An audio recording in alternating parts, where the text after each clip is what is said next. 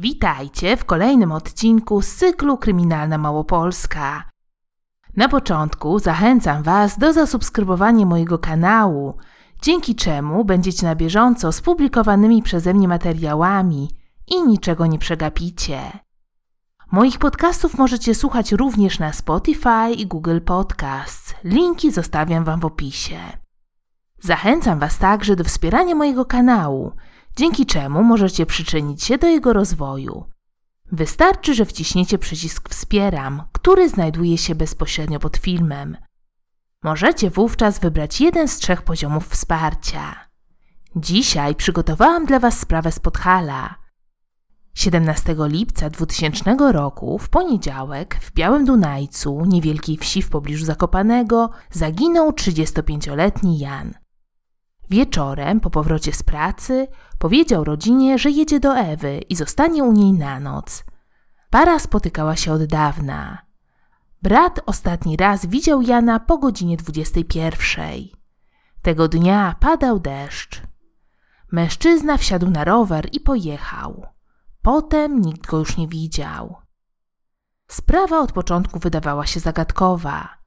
Zaginął dorosły mężczyzna, zakochany, bez słowa, z dnia na dzień. We wtorek rano, kiedy syn nie wrócił, jego matka, Aniela, wyszła na drogę, którą Ewa chodziła codziennie do sklepu. Tego dnia dziewczyna była zdenerwowana i blada. Odburknęła tylko, że nie widziała Jaśka. Matka powiedziała, że zgłosi zaginięcie syna na policję, ale Ewa jej to odradzała. Mówiła, żeby jeszcze poczekała, najlepiej do poniedziałku. Matka w piątek zgłosiła zaginięcie syna. Policjanci przesłuchali Ewę, ale jej zeznania niczego nie wyjaśniły. W poszukiwania zaangażowała się rodzina i znajomi Jana, ale nie przyniosły one żadnego rezultatu. Matka i brat zaginionego często zaczepiali Ewę i pytali, gdzie jest Jasiek. Wtedy ona płakała i zarzekała się, że mężczyzna do niej nie dotarł. Mijały lata. Matka zaginionego przeczuwała, że z jej synem musiało stać się coś złego. Wiedziała, że Jan nie zniknąłby, a tym bardziej nie zostawiłby Ewy. Rodzina skarżyła się, że policja niespecjalnie przejęła się zaginięciem mężczyzny. Z kolei policjanci uspokajali, że Jan pewnie gdzieś wyjechał i nie musiał nikomu się z tego tłumaczyć, bo był dorosły. We wsi plotkowano, że kilka dni przed zniknięciem Janka Ewa z nim zerwała. Mijały miesiące, a po mężczyźnie nie było żadnego śladu. Wkrótce śledztwo zostało umorzone. Co się stało z Janem? O tym już za chwilę. Po ponad trzech latach od zaginięcia akta sprawy Jana trafiły na prośbę zakopiańskiej policji do krakowskiego archiwum X. Policjanci udali się do Białego Dunajca i zaczęli pytać. Chcieli jak najwięcej dowiedzieć się o Janie i Ewie. Szybko wyszło na jaw, że kobieta zaledwie 10 miesięcy po zaginięciu Jana wyszła za mąż za Stanisława. Wkrótce na świecie pojawiła się ich córka Iza. A co by było, gdyby Jasiek wrócił? Może wiedziała, że nie wróci? Tak nie zachowuje się zospaczona kobieta po zaginięciu swojego chłopaka. Policjanci nie mieli wątpliwości, że Ewa musiała coś wiedzieć o zaginięciu Jana. Ludzie mówili, że Ewa nie chciała być dłużej z Jankiem, ale ten nie mógł się z tym pogodzić. Nakłaniał ją, by zmieniła zdanie. Okazało się też, że Ewa prosiła koleżankę, żeby dała jej alibi na wieczór, w którym zaginął Janek. Policjanci postanowili porozmawiać z Ewą. Na przesłuchaniu kobieta przyznała się do tego, że wcześniej kłamała. Nie chciała być z Janem, bo poznała innego mężczyznę, swojego późniejszego męża Stanisława. Jednak Jan nie pozwalał jej odejść. Do tego dopuszczał się wobec niej przemocy. Oto jak wyglądał związek Ewy i Jana. Jan poznał Ewę, gdy ta miała 13 lat, a on 27. Mężczyzna był stolarzem, dorabiał na budowie w Zakopanem. Był nieśmiały. Mieszkali od siebie w odległości zaledwie kilkuset metrów. Początkowo spotykali się nad rzeką. Ukrywali swoje uczucie ze względu na różnicę wieku. Dziewczyna od trzech lat mieszkała u babci, gdzie przeprowadziła się, żeby jej pomagać. Gdy Ewa miała 15 lat, zmarła babcia, z którą mieszkała.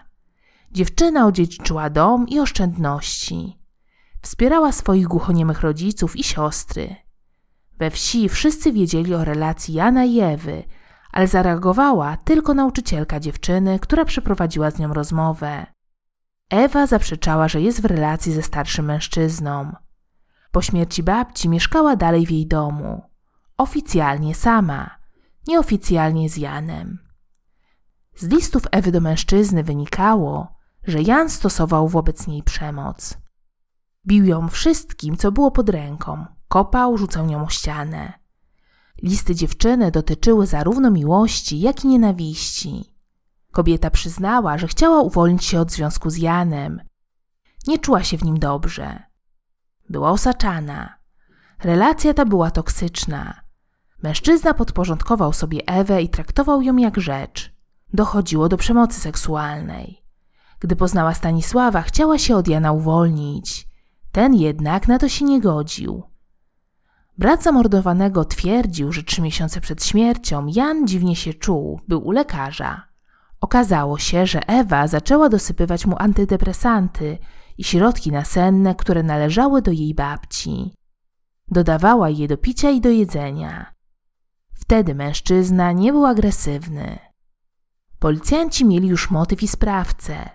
Zastanawiające było jednak to, jak tak drobna kobieta miała sobie poradzić z silnym mężczyzną. W chwili zaginięcia Janka mężczyzna miał 35 lat, a Ewa 21. Tej nocy doszło do awantury. Mężczyzna zmusił Ewę do seksu. Coś w niej pękło. Wtedy dosypała mu środki nasenne do zupy. Gdy zrobił się senny, postanowiła działać. Janek nie miał siły. Ewa podeszła do zlewu. Wyciągnęła worek na śmieci i założyła mu na głowę. Zaczęła go dusić. Bronił się. Potem dusiła go poduszką. To, co zrobiła z ciałem, zaskakuje. Ewa ukryła zwłoki wraz z rowerem w swoim domu, pod podłogą. Musiała rozebrać panele, odkręcić płytę podłogową, wyciągnąć styropian i wykopać dół. Szkielet mężczyzny znaleźli policjanci. Leżał w korytarzu w miejscu wskazanym przez Ewę. Co znamienne, przez cztery lata kobieta chodziła po miejscu, w którym zaledwie metr niżej leżały zwłoki Janka. Ewa przyznała się, bo nie miała już siły. Cała wieś była wstrząśnięta. Wszyscy się tu znali. Trudno było im uwierzyć, że Ewa dopuściła się morderstwa. Stworzyła ze Stanisławem spokojną rodzinę. Wspólnie wychowywali córkę. Zastanawiali się, jak mogła żyć z trupem pod podłogą. Ewie postawiono zarzut zabójstwa. Kobieta przyznała się do winy. Po przesłuchaniu prokurator wystąpił do sądu z wnioskiem o jej tymczasowe aresztowanie. Obrony Ewy podjął się Jan Widacki.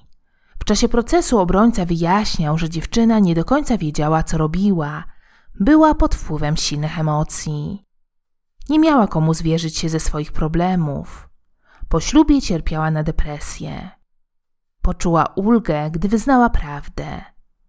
Uznano, że Ewa działała w afekcie. Ponadto, uzasadniając wyrok, sędzia Bogusław Bajan nazwał Jana pedofilem, ponieważ uprawiał on seks z trzynastolatką. Zbrodnia popełniona przez Ewę została zakwalifikowana jako występek. Sąd okręgowy w Nowym Sączu wydał bardzo łagodny wyrok, bowiem skazał Ewę na cztery lata więzienia. Obrońca nie krył zadowolenia po ogłoszeniu wyroku. Matka Jana, będąca oskarżycielem posiłkowym, złożyła apelację. Ewa odsiedziała w areszcie półtora roku, co zostało jej zaliczone na poczet kary. Kobieta musiała też zapłacić 10 tysięcy złotych kosztów sądowych i oddać rodzinie Jana rower. Czasie pobytu w areszcie i więzieniu Ewa nie widziała córki. Nie została pozbawiona praw, ale mąż argumentował, że dziecko nie powinno odwiedzać takich miejsc. Iza miała dwa lata w chwili aresztowania matki. Kiedy Ewa była w więzieniu, jej mąż zabrał córkę i wyjechał do Anglii. Wkrótce związał się z siostrą Ewy.